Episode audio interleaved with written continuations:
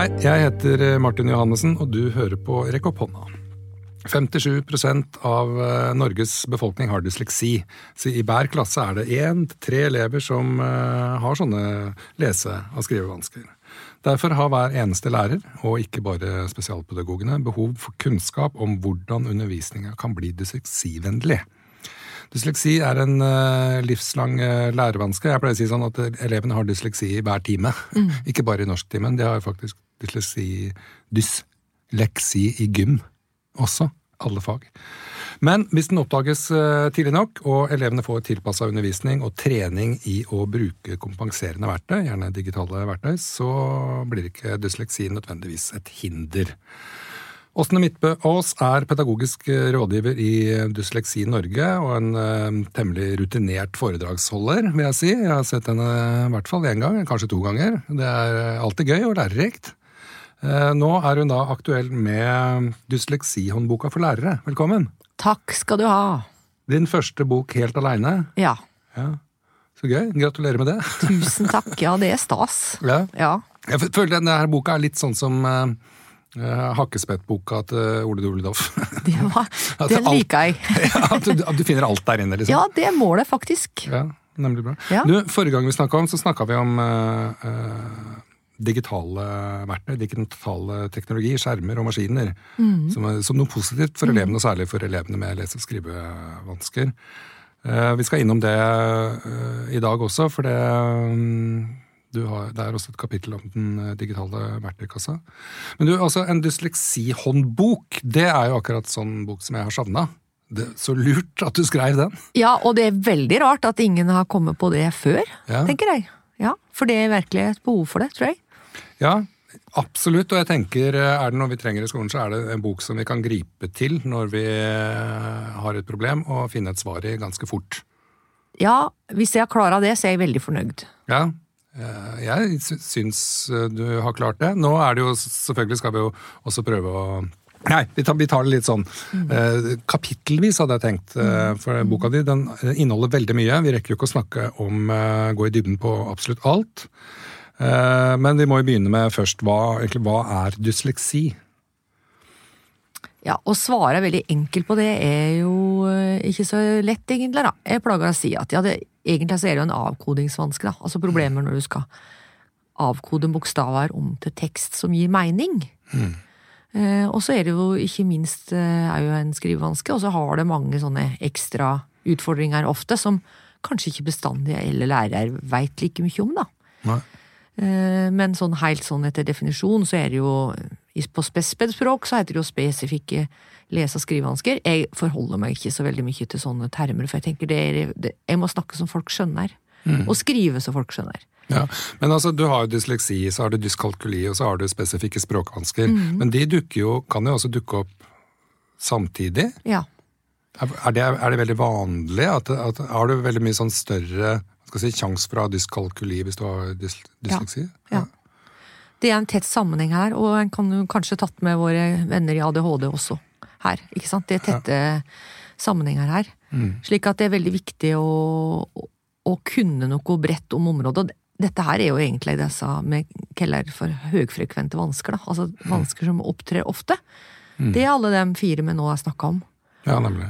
Og, og eh, derfor så Og hver elev har sine utfordringer. De kommer jo ikke i ferdig bokser, liksom. Så det er jo, derfor er det viktig å være, ha brei kunnskap om det. At alle lærere har det, da. Ja, ja, for jeg tenker jo det at som, som, lærer i skolen i dag, så må du ha kunnskap om uh, dysleksi, uh, Asperger, mm. ADHD, mm. andre lærevansker, uh, andre hva skal jeg si, atferdsproblemer. Mm. Det ligger jo en del, i del av pakka, men ikke, det ikke mitt, mitt, inntrykk er ikke at nødvendigvis at lærerutdanninga likevel er like godt rigga for dette. Den er kanskje blitt bedre? Nei, det er en stor utfordring. Ja. Jeg hadde ingenting om dysleksi i min lærerutdanning. Og har jo en sønn som akkurat er nyutdanna lektor på andre året, og han har heller ikke hatt noe om det. Nei. Men han første, han møtte jo sin første elev med dysleksi ganske fort, tror jeg. Ja. Eh, sånn at liksom det, det, er veldig rart at vi blir sett til en oppgave som lærere som eh, Altså, eh, alt lovverk og læreplaner og alt liksom er rigga på at vi skal ta vare på disse elevene under tilpassa opplæring, og det er jo en bra prinsipp. Men da må snart no, noen fortelle hva vi skal gjøre, da. Ja? Og, og, og det er, jeg mener jo at det er en fatal feil at en ikke liksom sier at i profesjonsutdanninga så må en profesjonsutøver, altså om du skal jobbe på videregående eller første andre, altså, eller, eller er i barnehagen, så må man kunne noe om dette her. Punktum. Ja, ikke sant? Jeg er helt enig. Jeg tenker, men eh, hva, er det, hva er det lærerne Er det noen sånn topp tre-ting som lærerne kan se etter for å tenke at dette er en elev som jeg bør utrede for Ja. dysleksi? Det første man kan gjøre, og det kan en gjøre sånn på systemnivå, det er jo å snakke med foreldre og spørre om det er i familien. For den arvelige faktoren her er veldig høy. 38-50% sier jo professor Monica Melby Lervo har en sånn artikkel om det, som samleartikkel internasjonalt. Så det er en veldig arvelig sak. Og da er det veldig rart for meg når jeg jobber i Dysleksi Norge og vi får telefoner nesten hver uke om foreldre som har måttet kjempe, og så det med sein utredning rir kon jo Ja. fortsatt. Så det ville jeg begynt med å tenke, er det, er det i vanlig familien? Snakk med fami foreldre. Foreldre som er bekymra, er jo ikke det for moro skyld. Du er jo ikke, foreldre, er jo ikke bekymra for ungen din hvis ikke det er noe. Nei. Så hør på foreldra, liksom.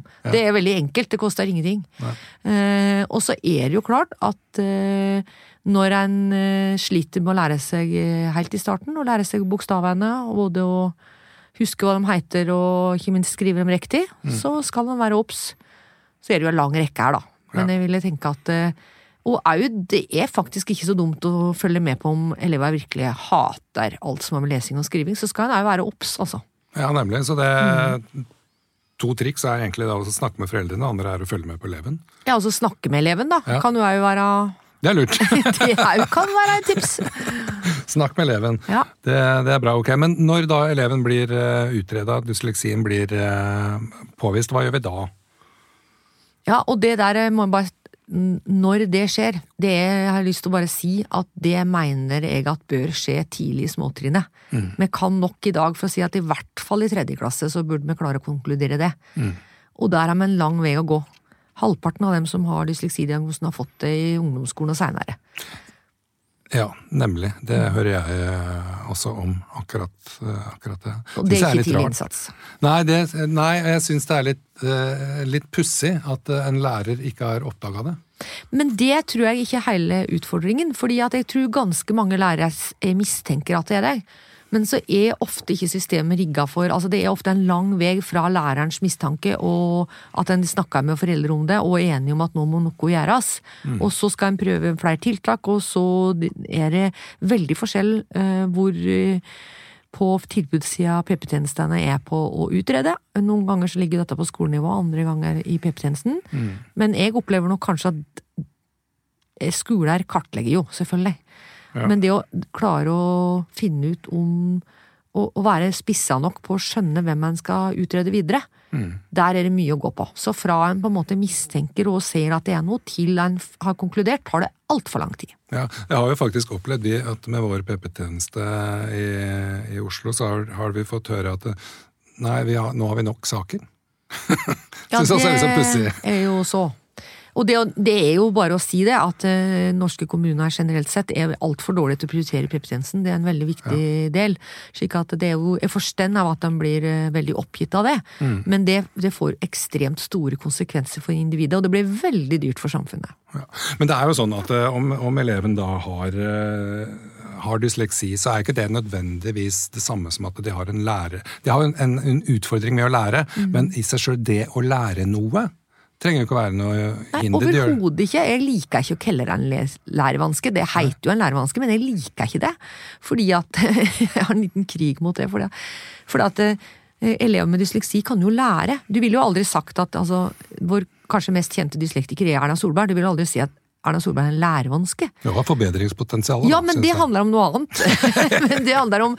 Det handler jo ikke om at eh, Det handler ikke om evnen til å lære, men det handler om evnen til å lære via bokstaver, eh, og spesielt på papir, da. Ja, Man kan jo gå rundt det her. Ja, sånn at, eh, og det er kjempefarlig å tenke for mye, og, for det er altfor mange av disse elevene som har sittet med for enkle oppgaver fordi at en blander disse tinga, da. Ja, ikke sant? At de får sånn eh, veldig sånn eh, enkelttekst med store bokstaver, og så tenker man nå har vi eh, tilpasset undervisningen til dyslektikeren vår. Liksom, litt sånn. Men du, det er jo et eget kapittel her om mestring og motivasjon og tillit. Det er interessant. Fortell litt mer om det.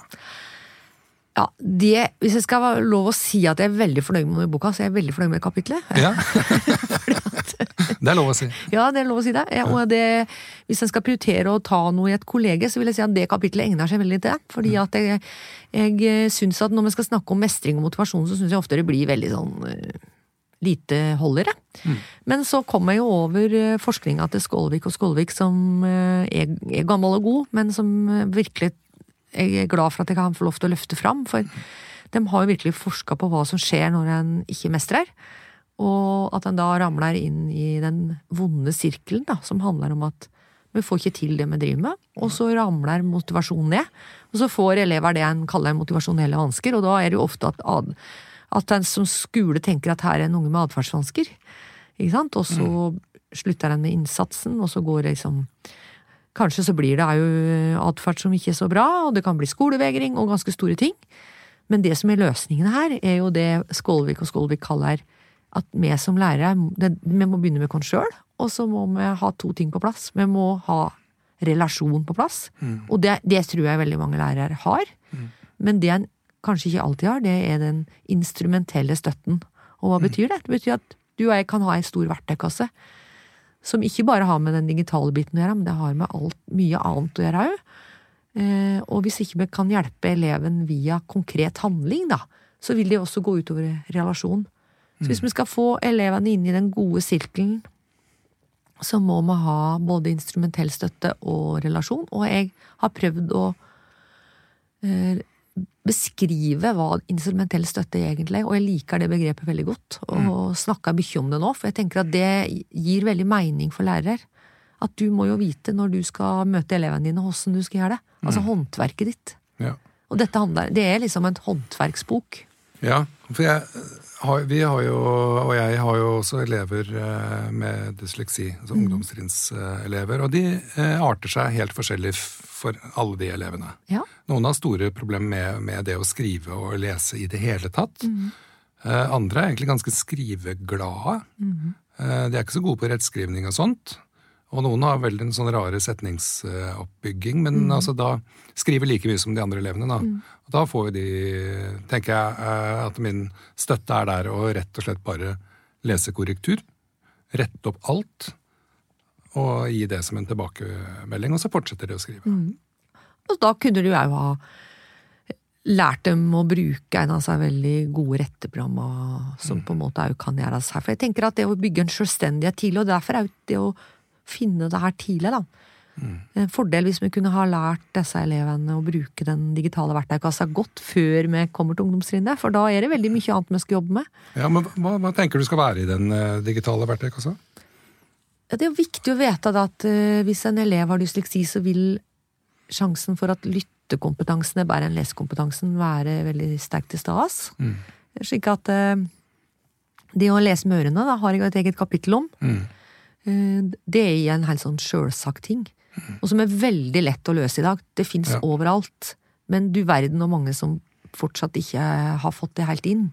Mm. Og da tror jeg for eksempel det å Hvis en i hvert fall skal bruke syntetisk tale, altså den talen som ligger i et eller annet verktøy, så er det en, kan det virke litt kunstig i starten, og, og det må vi trene opp ørene til. Men det er en veldig viktig greie for å bli selvstendig, da. For da kan du egentlig merke all tekst. Du kan ta mobilen din, du kan ta bilde av eh, hva som helst og få det opplest. Eh, men det her må man bare gønne på med, fordi at det gjør jo at man har tilgang til fagstoffet.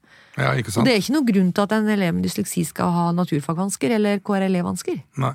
Jeg må bare skyte inn her, altså, for jeg har en kollega, Joakim, eh, samfunnsfag- og KRLE-lærer på ungdomstrinnet. Han leser faktisk inn alle tekstene som eh, elevene får. Fantastisk. Så de får det som tekst og som lydfil. Absolutt alle. Helt genialt. Og han sier egentlig så er, føler ikke at det er noe mer jobb. Nei. Fordi han må jo lese den teksten, han òg. Og da får han lest den faktisk mye mer grundig når du leser den høyt enn når du leser den inni deg. faktisk. Og det blir samme som når du skal jobbe med godt vurderingsarbeid. da. At i stedet for at du alltid skal skrive nederst på den prøva di, liksom, eller gi tilbakemelding til elever, hvorfor ikke lese det inn og snakke det inn som en lydfil?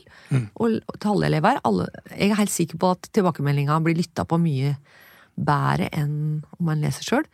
Og så kan man heller drive med lesetrening i papirbok på riktig nivå enn i en annen setting, da. Men man klarer å skille den tinga her, tror jeg. Ja, nemlig. Men du, en gang, eh, jeg tror det var forrige gang vi snakka sammen, så sa du også det, ikke sant, det å bruke verktøy, for det var en sånn stor diskusjon i mediene om det at eh, man må ikke bruke digitale verktøy, det er farlig. Og så skrev du og lederen i Dysleksi Norge at eh, jo, bruk verktøy, for det er lurt. Og da sa du at jeg har lesevansker uten briller. Så tar jeg på meg brillene, så har jeg faktisk ikke lesevansker igjen. Og da kom vi inn på det med kompensering. Ja. Og nå, vi må ta det her på alvor. At liksom Hvis ikke vi hele tida skal Når vi skal vurdere elever, da. Er det avkodingsferdighetene vi hele tida skal vurdere, da? Det er jo ikke det når du, er, når du som lærer eh, leser korrektur på gode tekster av dine dyslektikere. Så er, er jo ikke du egentlig interessert i å gode med til å avkode. For det kan vi jo løse teknisk, alle sammen. Og hvem er det som spør meg på jobben åssen hvor flink er du til å avkode? Det er jo ingen som spør om det. Men vi spør om god jeg er til å skrive en tekst, og god jeg er til å skrive et brev, god jeg til å skrive et eller annet. Eh, og vi må komme oss litt lenger, da. Ja, det, ja, ikke sant. Og jeg tenker jo også det? Eller det her med, med skrivestøtte, da. Sant? Som er, det må jo på plass. Og jeg tenker jo at jeg driver med skrivestøtte når jeg retter tekstene mine. Eller- Det gjør du. Ja, Men er det andre måter for sånn skrivestøtte? Ja, fordi man kan jo ikke ha med deg deg hele tida, da. Sånn at Nei.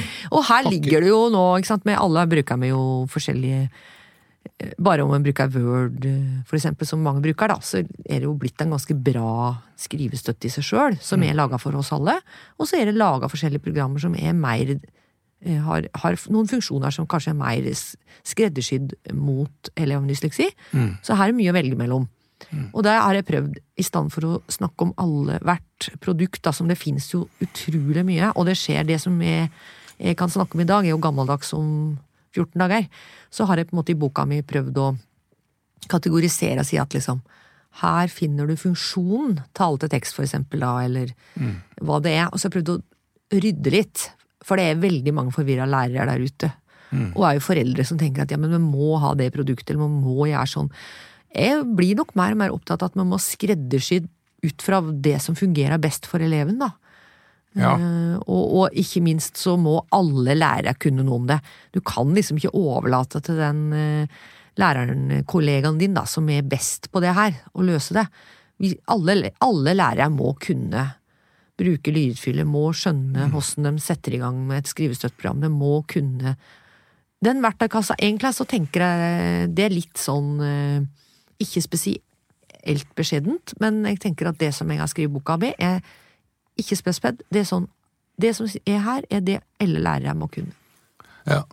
Og når, vi, når du snakker om det er vurdering, og det er ikke vurdering av avkoding vi driver med vi, nei, nei, det er det ikke. Det er Som jo, regel ikke.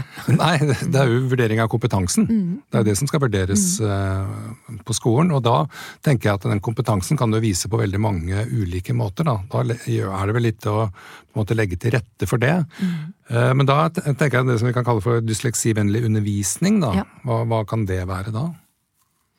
Ja, det har vi jo Det er jo alt som ligger her i Jeg tenker du kommer ganske fort borti det som en også tenker er god klasseledelse, og ikke minst den gode timen, som noen sier, da. Det her med for eksempel struktur med å være veldig tydelig på hva man skal gå gjennom, og da tenker ikke jeg at en skal skrive hele læreplanen på tavla først. Jeg mer liksom på en måte være veldig konkret. Disse elevene her trenger korte, konkrete beskjeder. Kan ikke sitte og rote rundt og finne ut av åssen skal vi løse oppgaver. Og det er spennende å se det Jeg er veldig glad i boka til Jeg var framsnakket noen andre her òg. Eh, nei, Marte Blikstad Ballas og Astrid Ro. Den hva foregår i norsktimen. I forhold til at liksom det her med modellering og virkelig jobbe med strategijobbing i, for den elevgruppa her er nok viktigere enn mange andre elevgrupper. Ikke bare skrive strategier og lese strategier, men òg alt som har med muntlighet Altså, Vi må vise hvordan vi skal gjøre ting. Ikke bare si at nå må du gjøre den oppgava, men du må Ja. vise hvordan den skal gjøres, og ikke minst hvorfor. Hvorfor skal vi gjøre det her? Det er jo det krisespørsmålet når vi sitter, står og underviser i ting som vi syns er helt uh, forkastelig sjøl. Forkastelig, faktisk. Ja, ja, men det hender jo det. Jeg, har, jeg må være så ærlig at noen ganger så syns jeg at det er ikke alt som er like relevant. Men vi må jo faktisk prøve å forklare det, da. Ja. det er veldig morsomt. Eh, men du, i stad så snakka du også om det om eh, altså, å lese med ørene, altså bruke som verktøy som kan eh, ja, få en tekst lest opp, eller at læreren gjør det sjøl. Men dette her med høytlesing, som jeg syns er utrolig veldig sånn hyggelig ting å gjøre med, holde på med både på, på ungdomstrinn, men kanskje særlig på, på barnetrinn. Er, har du inntrykk av at det er mye høytlesning rundt omkring? Varierer veldig. Og så tenker jeg at det er veldig bra hvis du leser høyt for elevene. Mm. Jeg blir ikke så glad hvis jeg hører at dyslektikerne dine må lese høyt i timen. Nei, nå tenker jeg altså en høytlesning. Ja. Vi leser en roman, og det tar de tre Ja, månedene det tar. Hvis du, når du gjør det som lærer og modererer, så det er veldig bra. Mm. Uh, og det tenker jeg alle bør drive med. Oppover i til og med videregående, for den saks skyld. Ja, det mener jeg òg, nemlig. Det er Men- derfor jeg drar det fra. Ja, det er veldig bra. Og så tenker jeg at disse elevene som får ofte ikke litteraturopplevelser nok fordi at de leser seint, så det å bruke de gode tilbudene som man har f.eks. på NLB, Mm. med gratis mulighet til å låne for de elevene har, da, å låne bøker som skuespillere har lest inn, som er god Ja, altså litteratur, og lytte gjennom. Altså. Lydbøkene til Ja. NLB. Ja, mm. ja, det er veldig bra. skjønnlitterærbøkene er veldig bra kvalitet på. Eh, Så, så er det jo så viktig, eksempel hvis du skal ha en bokanmeldelse, da, at eleven får lov til å lytte den boka i stedet for å bruke hele tida på å lese. da. Ja, ikke sant? Og så heller bruke læreren å skrive den bokanmeldelsen. Ja. Så, men, men høytlesing er, er fantastisk viktig, og særlig når en er god til å lese høyt. da. Ja, og det, mm, det er det jo egentlig mange som er. Mm. Og jeg tenker også at det, høytlesing er veldig bra for Mm. språkforståelsen til elevene, helt uavhengig av om de har dysleksi eller ikke, om de er umodne eller veldig modne for, for alderen. Mm. Så jeg slår alltid et slag jeg, for uh, høytlesning Mm. i klasserommet. Veldig bra når du gjør det, eh, men er jo like mye veldig lite fan av at lærere fortsatt setter alle elever elever i gang med høytlesing i klassa. Det, det er Ja. krise for denne elevgruppa her. Ja, nei, det Da må man i hvert fall avtale det og si at det er, noen har lyst til det. Ja. Men er det noe vi hører fra voksne dyslektikere, så er det liksom at, og òg unger, Ja. sier at liksom det å sitte og være redd for at man må lese høyt, det er ikke bra. Ja, det, det har vi lært hos oss, at det er ikke bra. Men samtidig er også det som vi merker er en skrekk eh, når vi får nye elever som tror at det kan skje. Og vi ikke er våkne nok i huet til å si at dette kommer ikke til å skje. Så sitter de faktisk og er redde eller går ut av timen uten at vi veit hvorfor. Og så blir vi bare sure og gretne. Og så er de egentlig bare redd for at jeg skal spørre dem om å lese noe Ja. Og da kan, men en annen måte å gjøre det, for det er jo viktig for å for eksempel å følge med på leseferdigheten, da. Så er en veldig fin måte å gjøre det på det, er jo egentlig bare å si til dem at ja, men da kan du nå skal vi ha en liten kan lese et minutt eller to på en måte inn på en lydfil, og jeg skal, jeg skal sitte aleine og høre på det. Så er det greit, for Ja. da er det en helt mye tryggere setting, da. Ja. Men, men alle disse psykologiske faktorene som påvirker, er jo mye sterkere enn det veldig mange lærere tror. Negativt, da. Men også er det dette her, sant, det store spørsmålet med den tilpassa undervisningen og spesialundervisningen og ja. Jeg syns det er en sånn evig diskusjon som man liksom aldri helt uh, kommer i mål med. Jeg forstår spesialundervisning som det er på en måte et individuell rettighet. Det er det. Mens tilpassa undervisningen er jo den rettigheten som klassen har. Men så blir den tilpassa undervisningen også forstått ofte som dette barnet må ha tilpassa undervisning. Ja, og derfor så er det òg, i forhold til det jeg har Alle de tiltaka, eller konkrete, for jeg har jo laga mye lister og konkrete råd og gjør sånn og ditt og datt. Alt det jeg har samla her, er jo ting som går inn under tilpassa opplæring.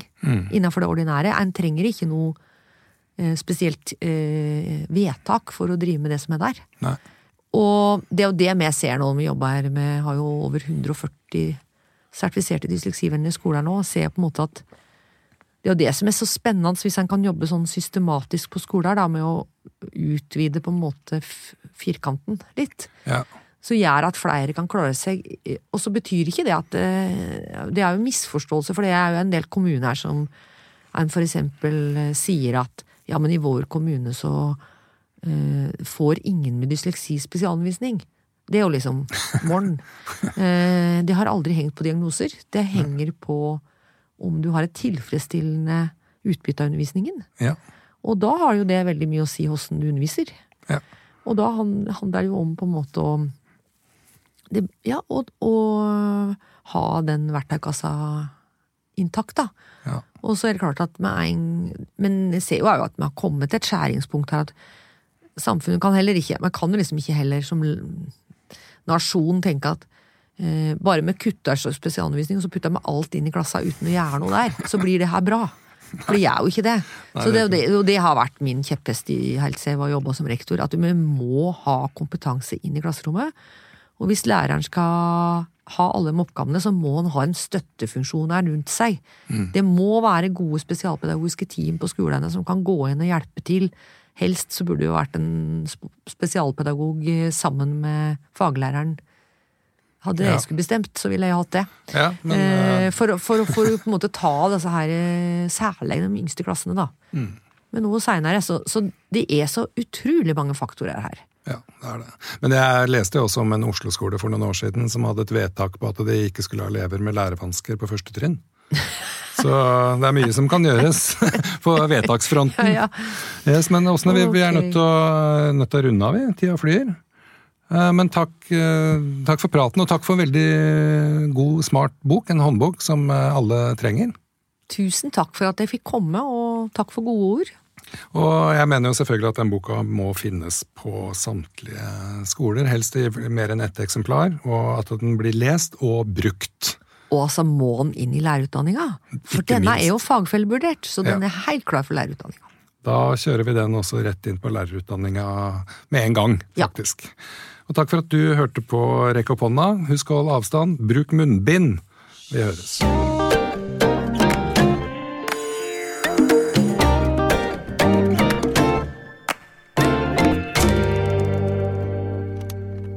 Produsert av